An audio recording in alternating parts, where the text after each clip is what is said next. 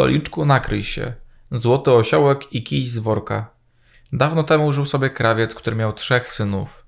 Nie byli najbogatsi i krawiec uznał, że to odpowiedni czas, by nauczyć synów handlu. Odesłał ich wszystkich. Tymczasem najstarszy poszedł na naukę do stolarza, a uczył się tak pilnie, że gdy dokończył naukę, mistrz dał mu w podarunku stolik, który wyglądał jak każdy inny stolik, ale miał jedną ciekawą właściwość.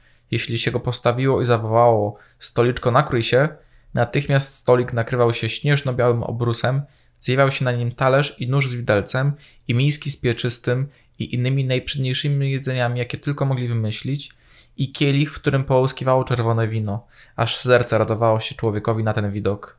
Czelennik pomyślał sobie, tego starczy mi na całe życie i ruszył wesoło w świat, nie troszcząc się o to, czy znajdzie dobrą gospodę. Jeśli pogoda była ładna, wcale do karczmy nie zachadzał, lecz rozstawiał swój stolik na łące czy w lesie i mówił: Stoliczku, nakryj się, a wnet pojawiało się wszystko, czego zapragnął.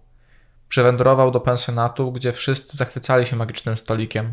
Karczmarz mu bardzo zazdrościł stolika i nie mógł zasnąć na myśl o nim. Wreszcie przypomniał sobie, że ma w lamusie stolik bardzo podobny do tego cudownego stoliczka. Przyniósł go więc i cichutko zamienił stolik cudowny na zwykły. Kiedy chłopak wrócił do domu i zakrzyknął: Stoliku, nakryj się! Nic się nie stało. Drugi z synów poszedł na naukę do młynarza. Gdy skończył naukę, został wynagrodzony osiołkiem. Był on jednak niezwykłym osiołkiem. Na zawołanie: Osiołku, kładź się!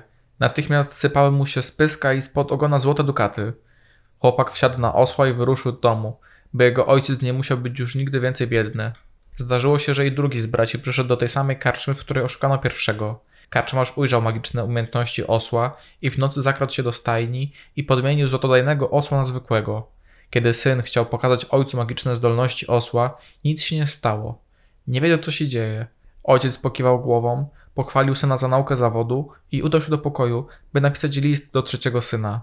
Najmłodszy z braci poszedł na naukę do otokarza, a że jest to trudne rzemiosło, musiał się długo uczyć. Dowiedział się więc z listów braci, jak zły karczmarz ich oszukał. Kiedy skończył się jego termin, majster podarował mu stary worek, w którym leżał kij dębowy. Kiedy zawołało się bij kiju samobiju, kij zaczynał bić.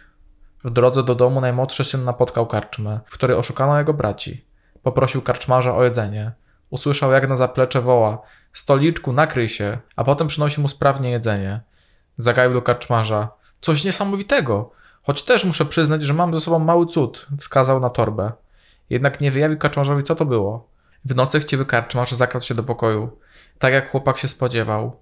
Zawołał nagle: Bij kiju, samo biju! I kij zaczął układać karczmarza.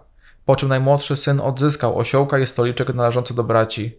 I w taki sposób niesamowity stoliczek i osioł pojawiły się w domu ich ojca, a ten już nigdy nie musiał pracować i żyli w zgodzie długo i szczęśliwie w czwórkę.